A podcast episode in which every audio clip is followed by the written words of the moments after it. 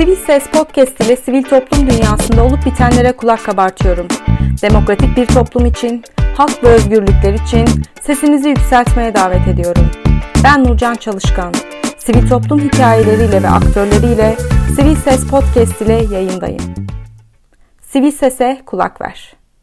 Merhaba Sivil Ses Podcast dinleyicileri. Yeni bir yayınla tekrar karşınızdayız.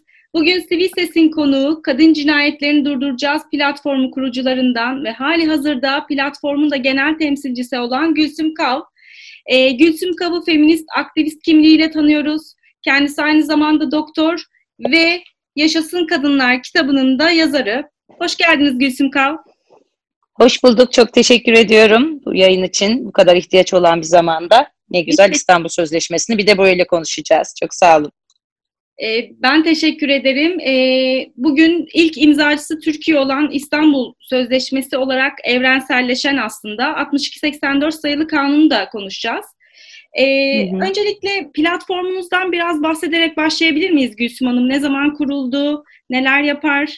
Evet, e, bizim platformumuz Kadın Cinayetlerini Durduracağız platformu. Biraz e, ürkütücü olması pahasına ismine de kadın cinayetleri terimini alma ihtiyacını e, duyduk kurarken. 2010 yılında bütün toplumu sarsan bir kadın cinayeti olan Münevver Karabulut e, haberini aldıktan sonra e, as, bu e, gelişmeden ve ardından olan gelişmelerden daha doğrusu çok rahatsız olan kadınlar olarak e, bir çağrı yapma ihtiyacı duyduk. Çünkü ortada aslında ad, gerçek adı kadın cinayeti olan bir insanlık suçu varken kadına işle, karşı işlenen suçların en yüksek e, dozda işleneni var iken bu yönü hiç konuşulmayıp magazin boyutuyla ele alınıyor. Fail yakalanmıyor idi. Münevver'in ailesine, acılı aileye e, dönüp de işte kızınıza dövmeyen dizini döver gibi ifadelerle e, onlara böyle söyleniyor idi. Bunların hepsi aslında tam teşekküllü bir patriarkal skandaldı ve e, çok rahatsız ediciydi. E, acılı aile tek başına adalet ararken böyle bir biraz hani sezgisel bir biçimde de yalnız olmamaları gerektiğini düşünerek asla yalnız değilsiniz sloganımızın biraz öncülleri bunlardır. E, yalnız değilsiniz biz de sizle birlikte adalet aramak istiyoruz deyip yanlarına giden. Daha sonra Türkiye'de kadın cinayetleri olgusunun e, maalesef ki hani gündemde olabileceği öngörüsü ile bu öngörü aslında keşke doğrulanmasaydı ve biz başka hak ihlalleriyle, başka haklarımız için savaşıyor olsaydık isterdik ama e, çünkü Türkiye'de ama gidişat biraz o yönde idi. E, bu öngörüyle bunun e, esaslı bir ağır toplumsal sorun kadınların can meselesinin en önemli hani e, feminist meselelerden biri olduğunu e, farkında olarak hı hı. E, sırf bu konuya özel bunu sahiplenen bir mücadele örgütü yaratmak istedik e, Münevver'in ailesiyle buluşup daha sonra da geniş bir çağrı yaparak böyle bir kadın cinayetleri sorununu e, eksenine alan buna özel bir geniş çatı kurma ya emek vermeye ve davette bulunmaya başladık. Bu davete karşılık veren çok sayıda kadın kurumu ve bir kişi, kişilerden yani e, demokratik örgütlerinden, partilerden, kadın kurumlarından, LGBT plus arkadaşlarımızdan ve bağımsız olarak kadınlar geldiler birlikte o ilk toplantılarda hatta e, ismini ve logosunu e, konuştuğumuzda e, öldürülen kadınların suretlerinin mutlaka gösterilmesi gerektiğinde bir ortak e, anlaşma oldu. Ve ilk logomuz şu an kullandığımızdan biraz daha farklı ama yine kaybettiğimiz kadınları gösteriyor idi sembolik olarak. E, ama mutlaka bundan mücadele edip bu cinayetleri durdurma iddiasını da e, da, da bulunarak durduracağızı da ekleyip ortak bir kararla isimlen, ismini alan Kadın Cinayetlerini Durduracağız platformunu bir umutla yükleyerek kurduk. İlk e, döneminde sanıyorduk ki kadın cinayetleriyle ilgili resmi makamlarda bir raporlama var, veri var diye düşünmüş idik. O yüzden önce bu çözmeye çalıştığımız sorunun boyutlarını bilmemiz gerektiğinden verileri sorduk, istatistik istedik devletten de bilgi edinme kanununa dayanarak hiçbir kayıt tutulmadığı ortaya çıktı. Bunun üzerine bu raporları yapmak da bize bir hani sorumluluk yükledi. Biz taramalar yaparak iletişim araçlarından ve bizim bilinirliğimiz arttıkça bize başvuran ailelerden basına yansımasa da evladını kaybetmiş aileler bize yansın, başvurmaya başladılar. Yıllar içerisinde de e, işte dava takipleri, raporlar oluşturma, kadın cinayeti diye bir ağır sorun olduğunu göstermek için her hafta düzenli eylem yapma. Ne yazık ki bizi çok yakan bir biçimde yeni bir kadın kaybettiysek, bir kadın cinayeti olduysa onun öldürüldüğü yere sahip çıkıyoruz eylemleri başlığıyla. Gidip karanfil bırakma ve onu yani e, can verdiği andan itibaren o davayı sahiplenme gibi çok yönlü eylemlerle kamuoyu bizi tanıyar hale geldi. Daha geniş bir çatı olan kadın meclisleri kurulması ihtiyacı e, ortaya çıktı ve yaklaşık 3-4 yıl oldu herhalde. Büyük kıyafetime karışma eylemleri sonrasında şort giyme giydiği bahanesiyle saldırıya uğrayan bir kadın arkadaşımızın Ayşe Gül'ün ve o yıl o dönemde üst üste böyle saldırıların olması sonucunda buna yeni bir daha geniş çatı örgüt kurarak yanıt vermiş olduk. Çok büyük eylemler yapıldı bizim öncülüğünü yaptığımız ama bizim bile bu kadar katılım olacağını önden tahmin etmediğimiz binlerce kadın kendi hayatlarına, hak ve özgürlüğüne, seçimlerine sahip çıktılar. Her görüşten pek çok kadın.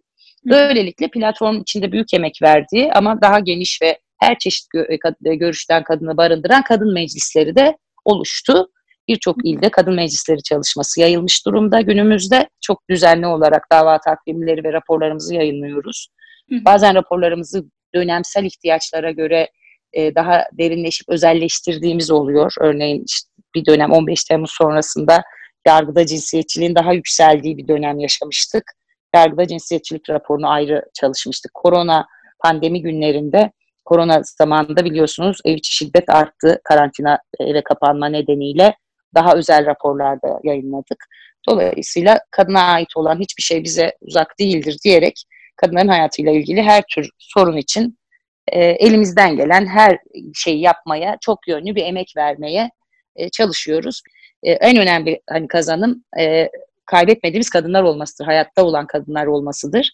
Şimdi Türkiye'de kadın cinayeti diye çok önemli bir toplumsal sorun olduğunu bütün toplum biliyor ve mücadelesi de ne kadar iyi ki çok ciddi oranda toplumsallaşmış durumda. Yani Türkiye'de bütün toplumun her kesimi bu sorunun çözülmesini bekliyor, istiyor, talep ediyor. Her yeni sarsan kadın cinayetinde zaten bu, bu sorunu nasıl sahiplendiğini her seferinde görüyoruz e, Türkiye toplumunu, kadınlar başta olmak üzere. Dolayısıyla 10 yıl içerisinde maalesef şiddet devam ediyor ama onunla mücadelede çok önemli bir bilinç ve örgütlenme e, ve toplumsallık kazanıldı diyebiliriz. Yani e, aslında ilk imzacısı Türkiye olmasına rağmen e, İstanbul Sözleşmesi'nden hı hı. E, çekilme gibi bir durum söz konusu ve e, aslında Türkiye'de e, Türkiye'nin dört bir yanında kadınların, insan hakları savunucularının e, bir araya gelip eylemler yapmasının da aslında altında bu yatıyor. E, İstanbul Sözleşmesi nedir, ne değildir diye sorsam e, nasıl özetlersiniz? Öncelikle e, yani tek bir cümleyle kadınların şiddetten kurtulduğu bir hayata kavuşmasının yolunu gösteren altın bir rehberdir demek isterim. Bu yol elbette ki çok kolay ve tek bir yönden oluşmuyor. E, şiddetin e, kendisi de yani çok yönlü ve bütünsel bir mücadeleyi gerektiriyor. Çeşitli faktörleri var ama bununla birlikte şöyle tarif edebiliriz. Bir hani e, atom parçacığı gibi esas içerisindeki en önemli hani nedeni onu üreten e, şiddetin e, üremesine neden olan şey bilimsel keşif gibi ortaya koyduğu için sözleşme çok önemli.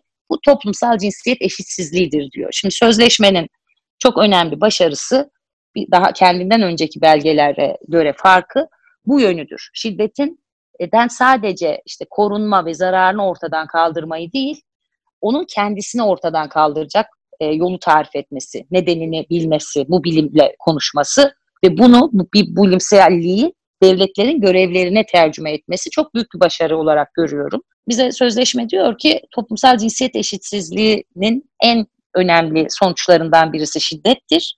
Eşitsizliği ortadan kaldıran ya da kadınların eş, her alanda, hayatın her alanında eşit olarak yaşadıkları bir topluma yaklaşırsak şiddet zaten ortaya çıkmaya cesaret bulamaz. Onun kendini ortadan kaldırmaya doğru gideriz diyor. Bu çok önemli bir maddesi. Bizim e, 4P diye nitelediğimiz dört temel taşı var. E, çok sayıda maddesi var ama bu e, işte dört temel basamakta biçimleniyor. E, bunları da şimdi birdenbire böyle bu yüzyılda gökten inmedi bu sözleşme. Elbette ki kendisinden önceki önemli uluslararası belgelerden besleniyor. SEDAV yani ayrımcılık yasağı getiren, kadınlar için ayrımcılık yasağı getiren belge başta olmak üzere daha önceki Pekin, Kahire konferansları gibi kadınların eşitlik haklarını düzenleyen çok sayıda uluslararası belge var. Bu e, narın arkasında da aslına bakarsanız bunlar sadece bir kuru belgeler değil, canlı, kanlı, önemli bir emekle verilen kadın mücadelesi var. Feminist mücadele var. Bu belgeler de tarihsellikle öyle oluşmuş. Şimdi gel SEDA aşamasına ilerlendiğinde hani bu e, e, evrensel toplulukta e, kadınların e, birçok yönden yaşadığı ayrımcılık, eşitsizlik ele alınıyor ve devletlere, imzacı devletlere görevler yükleniyor ama orada şiddet ayrıca ele alınmıyor. Ancak o zamandan bu zamana da şiddet hem dünyada farklı pek çok ülkede hem de Türkiye'de e, önemli bir konu olmayı sürdürdüğü için sadece bu soruna özel bir belge, uluslararası belge ihtiyacı ortaya çıkıyor ve neredeyse 5 sene boyunca bir heyet önce ihtiyaçları çalışıyor. Şimdi İstanbul Sözleşmesi'ne saldıranlar hani onu böyle sanki birdenbire olmuş ya da asılsızmış gibi görüyorlar ama o kadar önemli bir emek ve deneyim birikimi var ki arkasında. Beş sene boyunca ihtiyaç tespiti, e, uluslararası bir heyetle bizim de Türkiye'den de içerisinde Feride Acar hocamızın katılımcısı olduğu oluşturulduktan sonra İstanbul Bel e, Sözleşmesi şekilleniyor. Ve e, bütün o daha kendisi tarihten de besleniyor ama önemli bir fark olarak da diyor ki toplumsal cinsiyet eşitsizliği e, önemli nedenidir şiddetin. O yüzden en başa e, önleyici tedbirler dediğimiz o dört temel maddeden ilk maddesi e, toplumun e, böyle şiddetin zor ortaya çıkacağı bir biçimde şekillendirilmesi için eşitlik haklarını tanımlıyor. Ondan sonra eğer hemen e, fakat işte sözleşme çok bilgece konuşuyor. Şiddetin hemen çözülmeyecek. Birdenbire de böyle bir toplumun e, hani elbette ki yaratmak için mücadele etmeyiz. Milli zaten, zaten şu an yapılması gerekenler, orta ve uzun vadede yapılması gerekenleri de çok iyi tasnif ediyor böyle bir bilir hani e, bilinçle sözleşme. Bu topluma varana kadar da kadınlar şiddet tehdidi altında kaldıklarında ikinci maddede çok etkili korumalısınız diyor. İşte orada bizim için 6284 imzacı başka ülkelerde de kendi mevzuatlarındaki koruma kanunu neyse o devreye giriyor. O kanunların hiçbir ihmale yer bırakmadan etkin bir şekilde uygulanması ve şiddet tehdidi altında eğer bir kadın korunmak istiyorsa devletlerinin onu koruması gerekiyor. Bizim Türkiye'de bir parantez açarak şunu belirtmek istiyorum. İstanbul Sözleşmesi imzalamadan önceki günlerde de e, imzalanmasında da önemli bir faktör olan tek başına değil ama önemliydi. Opuz davası vardır. İlk defa AİM'den, e, Avrupa İnsan Hakları Mahkemesi'nden Türkiye'nin devletin kadını korumadığı, hayat hakkını korumadığı yönünde bir karar çıkması da etkili oldu böyle bir sözleşmeye ihtiyaç duyulmasında Türkiye açısından. E, Sözleşme ikinci maddede de bunu diyor ve bizim zaten Türkiye'de de dediğim gibi bu ikinci maddeyi korumayı yeterince ihmal eder durumda idik. Sözleşmenin imzalandığı zamanda da sonraki yıllarda birazdan yine konuşacağız. Yine alt, yani şu andaki yeni kanunumuzda e, da da çok ciddi ihmaller yaşadığımız oluyor. E, ve sonra diyor ki sözleşme yine e, bir şey daha anlayışlı bir tonda imzacı ülkelere dördüncü ana maddesinde de e, bir işte eşitlikçi bir toplum yaratmaya uğraşıyorsun. Hemen yaratamamış olabilirsin. Bir kadını korumak istediğinde koruyamamış olabilirsin. Eğer bir kadın şiddet nedeniyle zarar gördüyse o zaman etkin kovuşturma yap ve cezasız bırakma adaleti sağla diyor. Bu da üçüncü temel basamağı. Bu basamak altında da işte yargı süreçleriyle ilgili ve ceza adaletiyle ilgili pek çok önemli maddesi var. Bu üç temel basamaktan sonra da bu sefer daha talepkar bir tona geçerek dördüncü temel adımında da diyor ki bütün bunları yapsan da yetmez ey imzacı devlet. Kadınları geleceğe dönük güçlendirme politikanı da somut olarak göster bana diyor. Nasıl güçlendireceksin ee, diye yani hem en ilk maddesinde eşitliği, dördüncü maddesinde güçlendirmeyi, kadınların hayatındaki şiddetten kurtuluşunda ne kadar önemli faktörler olduğunu görerek bunları böyle hani sadece benim size anlattığım gibi tek bir sözle yazarak değil, her birinin birçok alt başlıkta maddeyle somut kurumlara somut görevler yükleyerek ne yapılması gerektiğini tarif ediyor. Bütün bunları bir araya getirdiğimizde karşımıza aslında şiddetten kurtulacağımız ışıklı bir yol olarak çıkıyor sözleşme diyebilirim. Peki İstanbul Sözleşmesi kimleri kapsıyor, kimleri koruyor? Hani hı hı. bu noktada da çok tartışılıyor. Ee, buna da bir açıklık getirebilir miyiz?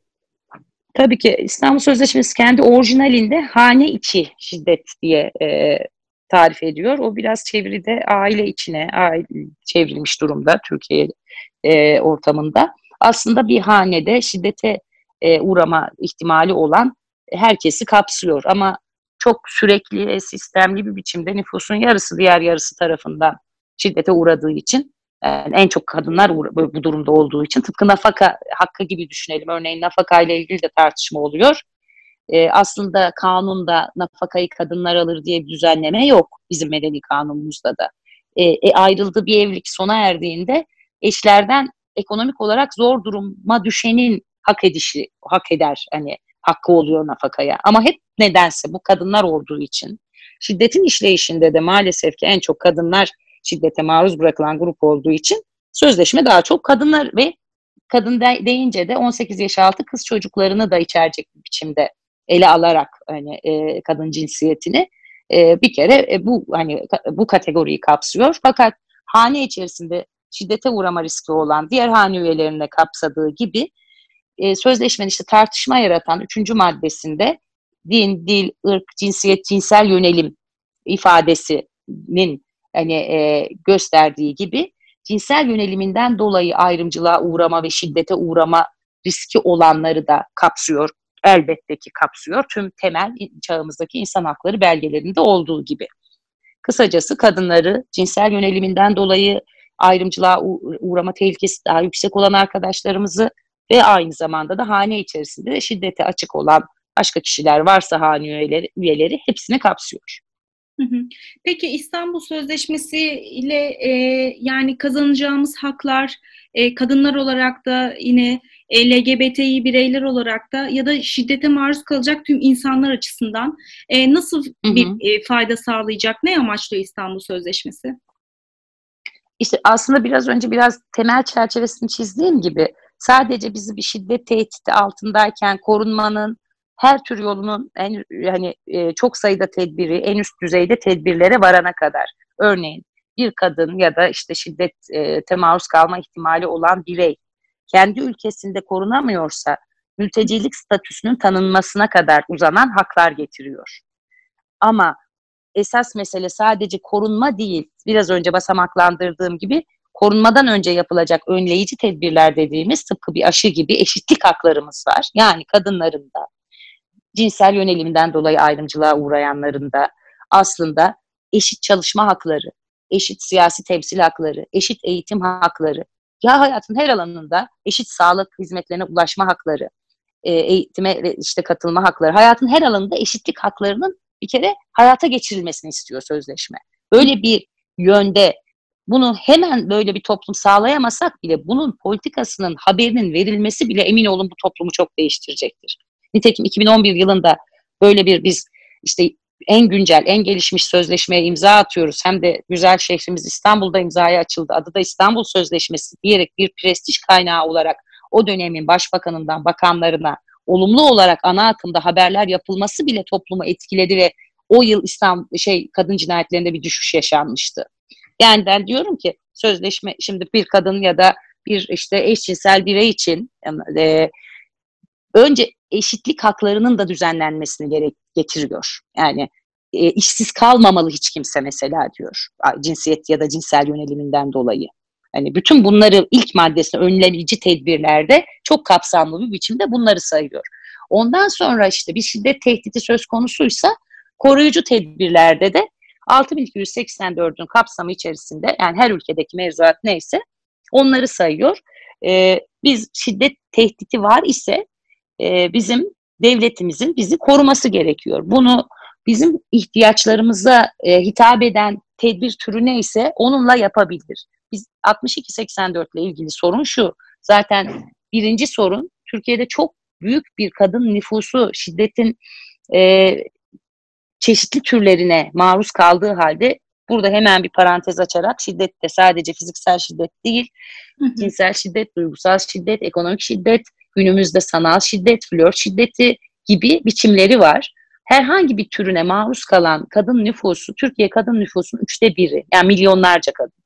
Bu milyonlarca kadından maalesef ki herke, hepsi hakkı hani şiddet gördüğünde hak arama yoluna başvurmayabiliyor. Bir kere hak arama yollarını kullanan sayısını daha fazla arttırmamız gerek. Birinci meselemiz bu olmalıyken biz de resmi makamlar e, korunmak isteyen kadınların da gelen beş kadından dördünü geri çeviriyorlar. Bunlar da resmi istatistikleri. Benim size verdiğim bu e, bilgiler Hacettepe Nüfus Etütleri Enstitüsü, e, Etütleri Enstitüsü ve e, eski adıyla Aile Bakanlığı, Aile ve Çalışma Bakanlığı'nın birlikte yaptığı 2015 geniş şiddet taraması verileridir, resmi verilerdir.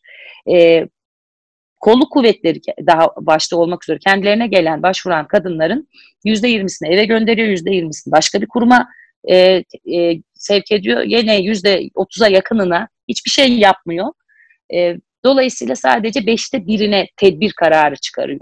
Çıkardığı tedbir kararı da genellikle biraz otomatiğe bağlanmış bir biçimde çağrılı koruma dediğimiz 155'i aramak ve aslında polis gelene kadar iş işten geçmiş olan etkisiz e, bir koruma yöntemi ya da uzaklaştırma e, kararı alınıyor en sık. Şimdi 6284 bu iki şeyden ibaret değil. Sığınma e, evlerinden e, kadının işte adres ve kimlik bilgileri değişikliğini eğer ekonomik zorluk yaşıyorsa meslek edinme kurslarından meslek edindirmeye, e, eğer mali zorluk yaşıyorsa mali yardım verilmesinden çocukları var ise kreş yardımına kadar uzanan en nihayetinde kimlik bilgileri gizliliği ve mültecilik olma, mültecilik hakkı tanınmaya kadar uzanan çok sayıda e, geniş etkili tedbir tanımlıyorken 6284 zaten 6284 geniş kapsamıyla etkili bir biçimde uygulanmayıp yıllardır çeşitli ihmallerle uygulanıyor. O biraz önce andığımız çoğu kez yetersiz bulduğumuz tedbir kararları bile verilmeyebiliyordu biliyorsunuz. E, bir değil, beş değil, on değil, yirmi değil, yirmi üç defa tedbir korunma isteyip korunamamış Ayşe Tuğba Arslan var ülkemizde Eskişehir'de öldürülen. E, buradan şunu anlatmak istedim.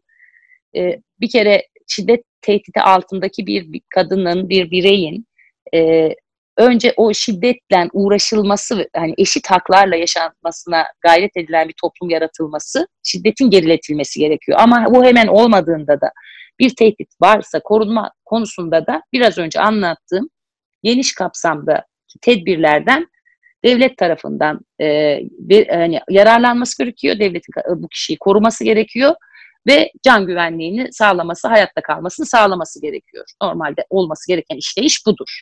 Ee, İstanbul Sözleşmesi ilk olarak aslında 2000 hani Türkiye gündemine ilk girdiği zamana bakarsak ve e, koşullara bakarsak e, Mayıs 2011'de e, Avrupa Konseyi Bakanlar Kurulu toplantısı İstanbul'da gerçekleştiği için de aslında ismini e, İstanbul Sözleşmesi olarak e, evrenselleşmiş bulunuyor. Ve e, aynı zamanda hukuki bağlayıcılığı olan e, uluslararası da bir e, belge aslında. Öyle de bir hükmü var. Yani 2014 yılında da e, 6284 sayılı kanunla da yürürlüğe girdi. 2014 den önce 6284 kanunu 2011'de çalışmaları başladı. Heh, evet. Olması gerektiği gibi kadın kurumların da dahil olduğu bir şekilde mecliste çok e, uzun süre yapılan çalışmalardan sonra 2012'de 6284 yürürlüğe girdi. İstanbul e, Sözleşmesi de zaten sadece 6284 anlamına gelmiyor.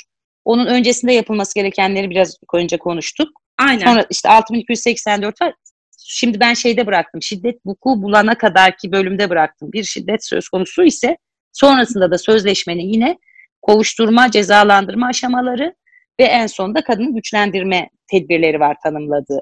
Yani 62-84 onun dört temel ayağından bir tanesini oluşturuyor ama sadece ondan ibaret değil. Çok önemli bütünsel başka e, çözüm yolları da tanımlıyor bize. O yüzden de bu kadar hani önemli görüyoruz, savunuyoruz. Neydi 62-84? Şiddetten korumaya çalışmak. Koruyabiliriz normalde aslında onu iyi işlettiğimizde zaten kadınların burnu bile kanamayabilir. Yani biraz önce anlattığım daha geniş tedbirleri kadın ihtiyacına göre aldığımızda böyle olacaktır. Ama diyelim ki yine bir zarar söz konusu oldu. Korumaya çalıştı imzacı devlet koruyamadı bir kadını. O zaman bir kadın zarar gördüyse işte üçüncü temel adım kovuşturma aşaması başlıyor. Diyor ki etkili kovuşturma yürüt ve cezasız bırakma en azından suçun tekrarlanmasının önleyecek önemli bir faktördür. E, etkili ceza verilmesi. Cezasızlık'a karşı da yıllardır mücadele ediyoruz. Bizim dava takiplerimizin anlamı da bu. bu haksız indirimler bu suçun sürmesine neden oluyor çünkü. E, sadece indirimi de, de, de, değil, ibarette değil. Önce etkili kovuşturma diyor. Bunun anlamı çok büyük. Böyle deyince anlaşılmıyor ama şöyle izah edeyim. E, şuleçet gibi davaların olmaması anlamına geliyor bu. Şüpheli ölümlerin olmaması anlamına geliyor. Gerçeği ortaya çıkarmak için bizlerin böyle bu kadar mücadele etmemesi zaten gerçeğin uygun, düzgün delil toplanması, etkili kovuşturma yürütülmesiyle kendi görevlileri tarafından, yapması gerekenler tarafından tıkır tıkır yerine getirilmesi anlamına geliyor etkili kovuşturma. Ama biliyorsunuz biz şu, e, pek çok başka şüpheli ölüm de var. E, işte intihar e, diye kapatılmaya çalışan lan cinayet oldu. Şule bir sembolü oldu ve orada neyi gördük? Soruşturma dosyasında Şule'nin atladığı düş, iddia edilen pencerede parmak izi bile bakılmamıştı. Bu kadar hani delil yetersizliği, bu kadar savcıların görevini ihmal ettiği dosyalarla karşılaşıyoruz. Bu da neye neden oluyor? İşte bizim aylık raporlarımızda maalesef hep gözlendiği gibi şüpheli ölümlerin giderek yükselmesine neden oluyor. Şüpheli ölüm kadın cinayetinden de fena bir durum. Yani ölümden ötesi yok diye düşünürüz biz ama ölümden ötesi var işte o. Yani e, bir de kadın cinayeti gibi korkunç bir gerçeğe maruz kaldığını o kadın arkadaşımızın kanıtlamak için mücadele etmek zorunda kalıyoruz. Düşünün. E, bu açıdan sözleşme bize işte etkili kovuşturma yap. Böyle gerçeğin tartışmalı olduğu durum olmasın diyor. Sonra gerçek ortaya çıktıktan sonra da etkili ceza ver. Cezasızlık olmasın. İndirimleri kısıtlamalısın anlamına geliyor bu. Yani yargıdaki cinsiyetçiliği de düzenleyici maddeler öneriyor sözleşme. Bu yönü de yani bu üçüncü temel adımı da çok çok önemli bizim gibi bir ülkede. Biz bunu ancak tek tek Yozgat'ından Sivas'ına, Siirt'inden işte metropollerine dava takip ederek yapmaya çalışıyoruz örneğin şu anda. Ee, bunu aslında biz bu kadar uğraşmadan kendi görevlilerinin tıkır tıkır yerine getirmeleri gerekli bir görev bu. Yargıdaki e, eşitlik, yargıda kadınlara e, karşı işlenen adaletsizliklerin son bulması. İşte sözleşme üçüncü temel adımda da pek çok maddeyle bunları tanımlıyor. Pek çok kuruma görevler vererek. Dördüncü aşamada da diyor ki bütün bunları yapsam da yetmez. Kadınları güçlendirmek için ne yapacaksın? Yani kadınların çalışma hayatına daha fazla katılması için, siyaseten daha fazla temsil olması için, eğitimde, bilimde, medyada, sağlık haklarında hepsinde daha fazla güçlenmesini sağlayıcı e, geleceğe dönük somut güçlendirme programını bana göster diyor. Şimdi Türkiye'de bir böyle eylem planı var arkadaşlar. Fakat resmen unutturulmuş durumda. Biz onu e, e tabii ki e, resmi makamların bir şekilde sondajla e, şeylerinden çıkarıp eğitimlerini yaptık zaten korona dönemi boyunca. E, toplumsal cinsiyet eşitliğini sağlamak için 2023'e kadar eylem planı var. İşte strateji planı var Aile Bakanlığı'nın ve Adalet Bakanlığı, İçişleri Bakanlığı, Sağlık Bakanlığı, ilgili bakanlıkların işin içerisinde olduğu, sorumlu kurum olduğu, paydaş kurum olduğu böyle bir, bu imzalanmış. Şu anki yönetenlerin kadınlara vaat ettikleri var aslında. Bunların hiçbirisi pek gerçekleşmiyor. Gerçekleşse herhalde haberlerini duyar, hayatımızda da yansımalarını görürdük. Bunun yerine tam tersine bir biçimde biz e, can güvenliğimizin ortadan kaldırılmasına neden olacak İstanbul Sözleşmesi'nin tartışıldığını görüyoruz. Yani e, dördüncü maddede çok önemli, bütünleyeni, yani şiddetin bütünsel bir mesele, onu yenmenin de bütünsel adımları olması gerektiğini tarif eden kadınları güçlendirme adımlarını tarif ediyor. İş işte demek istiyor ki o madde çalışma hayatına kadar kadını kazandıracaksın. Kadın işsizlik oranı ne demek istiyor? Ve Türkiye'deki zaten şiddetin bu kadar ağır seyretmesinin arka planında e, maddi bir neden olarak bu var. E, Türkiye'de kadın işsizliği çok yüksek. Yani TÜİK'in söylediği rakamların çok ötesinde. TÜİK bir kere 11 milyon kadını iş gücü verisi bile kabul etmiyor. Hesaplamaya bile dahil etmiyor. Niye? Ev işiyle meşgul diye. Ev işiyle meşgul diye iş gücü sayılmayan bir tane bile erkek yok. Bu zaten eşitsizliğin çok açık bir resmidir. 11 milyon kadının yani hayatı yok sayılıyor. Bunun anlamı şu o yüzden bu kadar uzun anlatıyorum. Bu yani güçlenmenin bir kadının güçlenmesi deyince en temel faktör ayakları üzerinde durmasını sağlayan ekonomik bağımsızlığıdır. Hem bunu bize feminist literatür böyle söyler hem de bütün deneyimlerimiz böyle söyler. Yani bir kadının şiddet karşısında sessiz kalmamasında da önemli bir faktördür e, bu. Tek başına kurtarmaz çalışma hayatına katılmak ama çok önemli bir değişken. Türkiye'de ise biz Türkiye kadın nüfusunun zaten üçte birini bir ülke nüfusu kadar kadını şiddetin önüne atmış oluyoruz. İş gücü bile saymayarak. E, bununla beraber işte diğer güçlenmemiz gerekli alanlara baktığımızda yine bütünsel olarak siyasi temsil diyelim. Mesela son yerel seçimlerde Türkiye'de ki oranlarımızı bir dünya ortalamasına göre düşündüğümüzde dünyada yüzde yirmi yerel seçimde kadın temsil oranı. Bizim son seçimde yüzde iki. Yani bu kadar arada büyük bir açı var.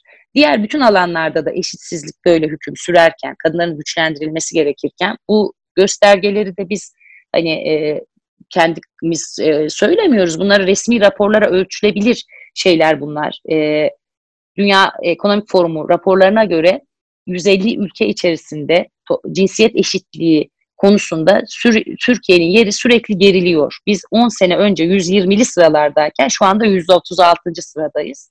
Arkamızda Sahra Altı Afrika ülkeleri var yalnızca. Bunlar zaten hani bize İstanbul Sözleşmesi'nin söyledikleri ne kadar da tersine bir konumda olduğumuzu gösteriyor bir. İkincisi de işte onun e, birinci ve dördüncü maddelerinde çok önemli üzerinde durduğu eşitlik ve güçlenme maddelerinin Türkiye'de yani e, e, ne kadar ihmal edildiğini de gösteriyor. Sözleşme diyor ki bütün imzacı ülkelere tabii sadece Türkiye'ye değil e, ve sonra bunu denetliyor bütün imzacı ülkeleri elbette ki e, kadınları güçlendirecek somut önlemlerini göster ve yıllar içerisinde bana hani rapor dönemleri boyunca diyelim çalışma hayatına katılan kadın oranı nasıl yükselttin bunu göster diyor. E, öz, izleme süreci de olduğu için e, çok önemli sözleşmenin hani e, varlığı ve izlenmesi ve tabii ki denetim raporlarının ortaya koyduklarının e, daha sonra karşılık bulması çok önemli. Yani İstanbul Sözleşmesi'ni imzalayan ilk ülke olarak bulunuyorken ve e, o dönem yine e, AKP'nin e, demokratik açılımlar yaptığı bir dönem. Yani 2012'den 2020'ye ne değişti de e, yine aynı e, AK Parti şu an e, sözleşmeden imzasını çekmek istiyor. Evet, e, o dönem söylediğiniz gibi toplumun diğer yakıcı önemli toplumsal sorunlarında da çeşitli adımlar atılıyor, görece demokratik adımlar atılıyor, hak ve özgürlüklerle ilgili açılımlar yapılan bir dönemdi. E, sonra bu adımlar e, tek tek geri alınmaya başlandı. E, sarkaç tam tersine döndü. Fakat hem e, sorunun çok ağır bir biçimde devam ediyor olması kadına yönelik şiddetin hem de kadın mücadelesinin çok güçlü olması nedeniyle İstanbul Sözleşmesi ile ilgili bu hani geri çekme hem, hemen vuku ve adının da İstanbul olması da tabii ki önemli. E, çünkü uluslararası bir skandal aslında hani o imzalandığı isim veren ülkede bunun tartışılması bile söz konusu olamaz, caiz değildir. Her neyse ama aslında e, ortada bir tek o dönemin iyi adımlarından e, ortada tek kalan İstanbul Sözleşmesi ve göze batıyordu. Yani bir süredir belirli çevreler daha kısıtlı çevreler sözleşmeye 6284'de kadınların nafaka hakkına ve aslında tüm medeni haklara çeşitli saldırılarda bulunuyorlardı. Son bir senedir e, yetkililer tarafından da dile geliyor olması e, çok hani kabul edilemez, yeni bir şey ve kabul edilemez bir durum. E, nasıl ki 2011'de yetkililerin olumlu anlamda dile getirmesiyle toplumda şiddet azalmıştı. Şimdi bu kadar olumsuz dile getirince aynı ivmeyle sıçramalı bir şekilde artıyor. Böyle sonuçları oluyor e, bir. E, o zamandan bu zamana değişen işte söylediğim gibi Türkiye'deki demokratik, görece demokratik adımların hep geri alınması e, hak ve özgürlüklerle ilgili. Şimdi e, işte e, yıllar içerisinde de sözleşmenin hala duruyor olması nedeniyle göze batması ama bu sene şimdi tam bu dönemde yeniden gündeme gelmesi de tesadüf değil. Nüfusun yarısını oluşturan kadınların canıyla oynamak o kadar kolay değil. Buna zaten sonuçta iktidar bloğundaki birçok kadın da tepki veriyor durumda biliyorsunuz. Şu anda işte Kadem'in yaptığı son açıklamalardan sonra konu da orada da daha çok tartışmalı hale gelmiş durumda. E çünkü yani bu akıl alır bir şey değil. Zaten milyonlarca kadın her tür görüşten hani e, böyle bir ülkede e, işte kapının önünde öldürülünce Ceren Özdemir işte her tür durumda güvenlik tehdidi altındayken herkesin kendi canı var, kız çocukları var. E, yani kime oy veriyor ver, verirse versin işte e, çocuğun okullarına güvenle gidip gelmesini istiyor tabii ki aileler. Yani şimdi aileyi korumak için diye bir çok safsata şeyler söyleniyor ya. Aileler kız çocukları üniversitelerinden, okullarından eve sağ salim dönsün istiyorlar. Aileler bunu istiyor. Hangi görüşten olursa olsun. O yüzden hani sözleşmeyle oynamak o kadar kolay da değil. Hani o zamandan bu zamana Türkiye konjektürü değişti. İktidarın yaklaşımı, toplumsal sorunlara yaklaşımı değişti. Evet ama e, bu toplumsal sorunları da e, yaşayan biri olduğu için toplum bunları konusunda da hani Ayasofya gibi de düşünmüyor mesela yani. Onun hani hayatta kalacak mı kalmayacak mı kendisi kız çocuğu büyüttüğü çocuk ne olacak? Yani üniversiteli genç arkadaşlarımız yani şakır şakır böyle kuşlar gibi öldürüyorlar bunu yani hangi aile bundan memnun olabilir ki zaten? Ya da ailelerin içerisinde işte en son kadın cinayetlerinde erkek çocuğu annesini öldürdü. Öz baba çocuğunu öldürdü. Aile katliamlarına varıyor oluyor. Bu şekilde ailenin korun aileyi korumak için sözleşmeyi istemediğini söyleyenlerin bütün bu yaşadığımız somut olaylar zaten çürütüyor yeteri kadar. İnsanlar ne yaşadıklarını biliyorlar. Hani o yüzden e, iktidarın yaklaşım ne kadar değişmiş olsa da toplum gerçekleri görüyor diye de düşünüyorum. Bunu eklemek isterim. Peki e, Kadem'in yaptığı açıklamayı aslında hani çok olumlu bir açıklama yaptı. Çok da beklenmiyor da e, bu noktada. E, o yüzden çok da ses getirdi. E, bu bir hı hı. iyi işaret olabilir mi? Çünkü e, Kadem'in e, yönetim kurulunda e, Sümeyye Erdoğan da var. Hani bu aslında bir hı işaret olabilir mi? E, bugün de hatta e, AKP MYK toplantısı var ve İstanbul Sözleşmesi e, kararı çıkacak. Yani fesme edilecek yoksa tartıştıkları maddeler tekrar mı düzenlenecek? Bu da merak konusu. Bu noktada evet. yani bugün nasıl bir sonuç çıkmasını öngörüyorsunuz? Sizin e, öngörünüz nedir bu noktada? İlk gündeme geldiği zamandan itibaren bunun Ayasofya'ya benzemeyeceğini, kendi içlerinde de tartışma yaratabileceğini öngördük bir düzeyde. Çünkü zaten 9 senedir ne oldu da şimdi bu ya böyle oluyor diye soru soran yönetici kadın da görevden alındı biliyorsunuz. Bu tıpkı TÜİK başkanını görevden almak gibi bir şeydi. Yani hı hı. çok tartışmalı orada belliydi durum. Kademin de beklenmedik değil bence olması gereken budur. Çünkü dünyevi hani şimdi hangi görüşten olursa olalım biz kadınlar öldürülebilir, çocuklar zarar görebilir konusunda ayrışamayız. Farklı dünya görüşlerimiz olabilir ama bunda ayrışılamaz. Yani eğer biz Özgecan davasını birlikte takip ettiysek kademdeki arkadaşlarımızla, eğer nafaka konusunda da belli ortaklıklarımız varsa beklenen İstanbul Sözleşmesi'nde de onlar yaptıkları açıklamayı yapmalarıydı. Çünkü onlar da çalışma hayatının içerisinde onların da işte üniversitede okuyan hani e, yakınları var, kendileri var, çocukları var. E, elbette ki her yani kadınlar güvenlikte olsun isteyecek. Her görüşten kadın yani zaten buna itiraz edebilen işte Dilipak düzeyinde yani Dilipak ayarında birisi ancak itiraz edebiliyor. O yüzden beklenen buydu. Her kadının yapması gereken zaten tabii ki hayat hakkını can simidi gibi bir tehdit varsa onu koruyacak kanunu sözleşmeyi savunmasıdır. Ben böyle bekliyordum. Bunu yapma, yapması gerekeni yaptılar. E, böyle yapmaları gerekirdi zaten. E, bu açıdan bundan sonrasında hala daha işte şimdi 5 Ağustos toplantısında bazı duyumlara göre gündeme gelmeyeceği de söyleniyor. Gündeme gelir ve hala sözleşmeyle şimdi işte uğraşmaya devam ederlerse resmen kendileri bilirler diyorum. Yani buna bu kadınlar hani e, çok kaybederler. O yani o kadar kaybedirici bir şey olacaktır ki sözleşmeye dokunmak bu yönetenlere de. Ee, hadi yani hadi bakalım yapsınlar. Sadece Dilip Akın oyunu alır otururlar o zaman diyeceğim artık daha açıkça. Hani e, ol, olması gereken bu çünkü. Hani e, çok irrasyonel bir plan bu. Ne demek nüfusun yarısının kuşlar gibi köşe her köşede kadın öldürülüyor iken yani kuşların öldürülmemesi de lazım zaten. Yani hayvanların öldürülmesini de normalleştirdiler. Kadınların öldürülmesini de normalleştirdiler. Herkesin öldürülmesini normalleştirilmesine kim razı olabilir? Yani bu rasyonel bir şey, irrasyonel bir şey. Kademde hani olması gerekeni yaptı ve orada sağlamca da devam etmelidir elbette ki.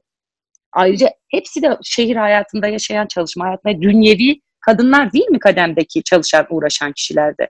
Ne olacaktı? Kadınlar evlerine mi kapatılacaktı? Yani sözleşmeye saldıranların en nihayetinde aslında bunun devamında istedikleri şey mesela e, bizim kanunumuza yer alan töre sahikiyle işlenen suçların e, in, ağır ceza olmasına da bozuluyorlar onlar. O Türkiye Düşünce Platformu'nun Dilip Haklar'ın yayınladığı rapor tek tek sözleşme maddelerinde neye itiraz ettiklerini e, yazmış. Medeni kanundaki her şeye normal yani namus bahanesiyle işlenen suçlar şu an var olan ceza kanunumuzdaki bir sürü şeye de itirazları var.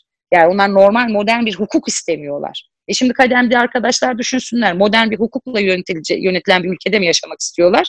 Yoksa şer'i hukukumu onlar onların hayatlarına da şer'i hukukun ne yapacağını düşünsünler. Onlar da ona göre e, tutarlı olsunlar lütfen demek istiyorum.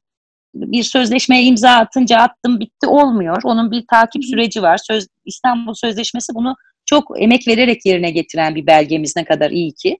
Hani hı hı. E, böyle ihmal etmiyor bunu. Grevio diye adlandırılan birçok ülkenin temsilcisinden oluşan izleme heyetleri var.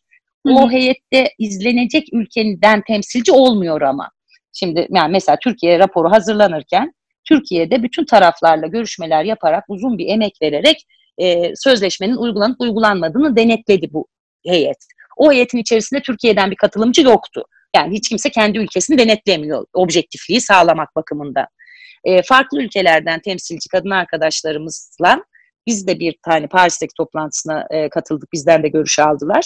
Sadece kadın örgütlerinden değil, e, kamu kurumlarından da görüşler alarak zaman zaman bir başka yerde toplantı, zaman zaman da gelip kurumları yerinde ziyaret et. Örneğin Türkiye'deki sığınma evlerini ziyaret ettiler, Aile Bakanlığı ziyaret ettiler, resmi görevlilerle görüştüler, Adalet Bakanlığı'yla görüştüler. Tüm tarafların yani hem bizlerin hem kadın örgütlerin hem resmi yetkilerin hem hak kaybına uğramış olanların görüşleri çerçevesinde de e, mesela bu toplantıdan sonra bir yılı buldu raporun açıklanması biz gibi görüş verdiğimiz toplantıdan. Daha sonra da e, uzun bir rapor hazırlama süreciyle Türkiye raporunu kapsamlı biçimde hazırladılar. Bence zaten İstanbul Sözleşmesi metnini ve Türkiye raporunu ya okuma yazması olan herkes okumalıdır. Çok kolay anlaşılır ve çok yol gösterici metinler bunlar. Türkiye'de de e, çok sayıda madde var ihmalde bulunduğumuz e, ama temel bir perspektif olarak dedi ki bize bu rapor yetkililere seslenerek biraz da aslında dersini pek yapmamış öğrenciye seslenen bir öğretmen edasıyla e, yani şunları şunları yapmak için uğraşıyorsun iyi ama bak işte asıl mesele şudur deyip yine bugün işte bizim böyle nefesimiz tükenene kadar anlatmaya çalıştığımız eşitliği anlattı ve çok önemli bir şey söyledi. Bizim İstanbul Sözleşmesi'nin hani her sözleşmenin böyle temel mottosu olur, temel getirdiği bir yasak olur. Sözleşmenin de temelinde şiddetin normalleştirmek yasaktır, şiddeti geleneklerle açıklamak yasaktır. Temel iki yasağı var. Ve bizim devletimize dedi ki yetkililere, e, geleneklerden gelen şeylere sığınmak, onlara şiddetin bahanesi olarak görmeye asla taviz vermemelisin dedi. Yani bırak sen bunu yapmayı, yani yetkililere diyor ki siz zaten yapmamalısınız. Yapan olursa da onlara sakın taviz vermeyin. Çünkü bu kadınların özelliğini zedeleyici, eşitliğini zedeleyicidir. Türkiye'de şu anda karışık bir tablo var. Bir taraftan hani modernleşme bir taraftan da gelenekselliğin çatışmasını e, sözleşme izleme metni de gözlemleyip ortaya koydu. Ve yetkililere bu temel görevi verdi. Şiddeti normalleştirmeyin, şiddeti geleneklerle açıklamayın. İşte bundan rahatsız olunuyor herhalde ki hani kadınların güçlenmesinden sözleşmenin bir size saydığım şimdi yeniden bir tekrarlamak istediğim biraz önce sizin e, işaret etmeniz üzere kadınlar önce şiddetin ortaya çıkmakta zorlanacağı bir toplum yaratın de, diye birinci maddesi var. Yani eşitliğe önem verin. Eğer bir şiddet söz konusuysa uğrayacak kişiyi etkili bir şekilde koruyun. İkinci temel adım koruma adımı. Eğer korumak istediğiniz, koruyamadığınız bir kadın zarar gördüyse o zaman zararı ortadan kaldıracak ve adaleti sağlayacak şeyi yapın, etkili kovuşturun, cezasız bırakmayın. Üçüncü temel adımı. Bütün bunları yaptığınızla birlikte e, kadınları geleceğe dair nasıl güçlendireceksiniz? Gelecek nesiller nasıl güven içinde olacaklar da demek istiyor burada çok bence önemli bir biçimde. E, bunu gösterin diye dört temel adımda e, tarif ettiği görevleri yerine getirmekle birlikte en temelde de dedi ki bütün bunları yapmalısın. Şiddeti, bunları yapmamayı ve şiddeti geleneklerle asla açıklamamalısın. Açıklayan birisi de olursa ona asla taviz vermemelisin. Çünkü bu şiddeti normalleştirmek anlamına gelir. Bizim esas yasağımızda şiddeti normalleştirmek yasaktır diyor sözleşme. Türkiye raporu çok kapsamlı. Ben sadece size çok böyle öz suyunu anlatmaya çalıştım. Hı hı. E, bu fakat çok önemli bir mesaj çünkü şiddetin kendisi kadar tehlikeli olan şey bazen ondan da tehlikeli olan şey normalleştirmektir. Hani asla normal değil, asla kaçınılmaz değil, asla doğal değil, doğal afet değil. Bizim tıpta e, önlenebilir ölüm diye tarif ettiğimiz hayat kayıpları bunlar. Öldürülen kadın kardeşlerimizin hiçbir sağlık sorunu yoktu hayatta kalmaması için hiçbir nedenleri yoktu. Erkek şiddet eliyle öldürüldüler ve bunun hepsi önlenebilir.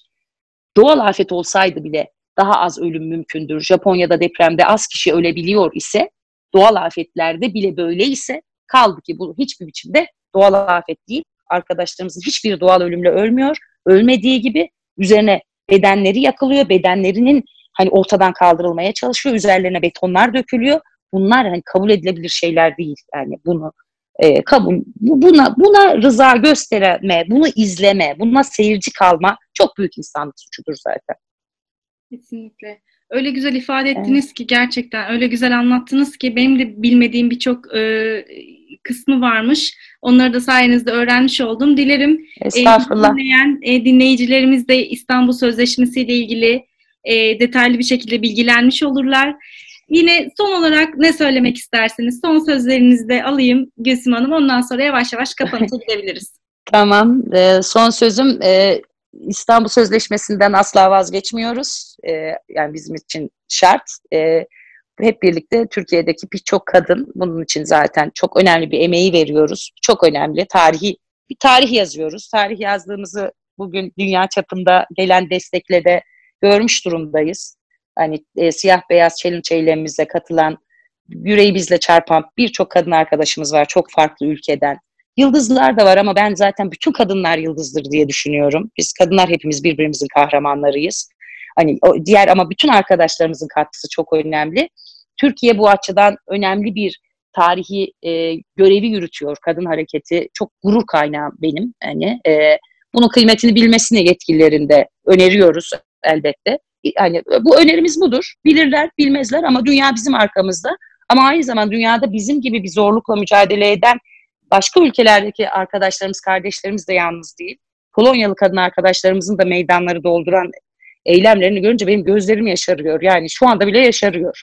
Asla onlar da yalnız değiller. Biz hem Türkiye'de hem dünyadaki tüm kadınlar için son nefesimize kadar elimizden gelen her şeyi yapacağız. Çünkü zaten öldürülüyoruz. Bundan daha ötesi yok ki. Hani ben öyle düşünen biriyim. Hani onu da açıkça söyleyeyim. Şimdi kadınlara çok hak veriliyor. O yüzden geri alalım diye başlattılar ya bu saldırıyı. Ya nasıl bir hak vermek ki bu her gün kardeşimiz öldürülüyor bizim? Yani bu kadar çok hakkımız olsaydı bu kadar öldürülebilir miydik? Çok az hakkımız var ama hepsini de alacağız. Çok kararlıyız diye düşünüyorum. Başta yaşam hakkımızı yani çalmaya çalışanlara e, asla taviz vermeyeceğiz. Çok teşekkürler. Gerçekten çok sağ olun. Bugün 5 Ağustos. E, Türkiye'nin dört bir yanından kadınlar haklarımızdan ve hayatlarımızdan vazgeçmiyoruz diye haykıracaklar. İstanbul Sözleşmesi'ni uygula diye haykıracaklar. İstanbul Sözleşmesi yaşatır diye haykıracaklar. Biz de buradan onların e, bu haykırışlarına küçük de olsa e, bir katkı sunmuş olduk. Çok teşekkür ediyorum tekrardan. Bayram sonrasındayız. Herkese e, gerçek bayramlarımıza İstanbul Sözleşmesi uygulandığında kavuşacağız. Hepimize gelecek bayramları şiddetsiz yaşama dileğiyle yaşasın kadınlar diyorum. Hoşçakalın. Ben de İstanbul Sözleşmesi yaşatır diyorum ve kapatıyorum. Hoşçakalın.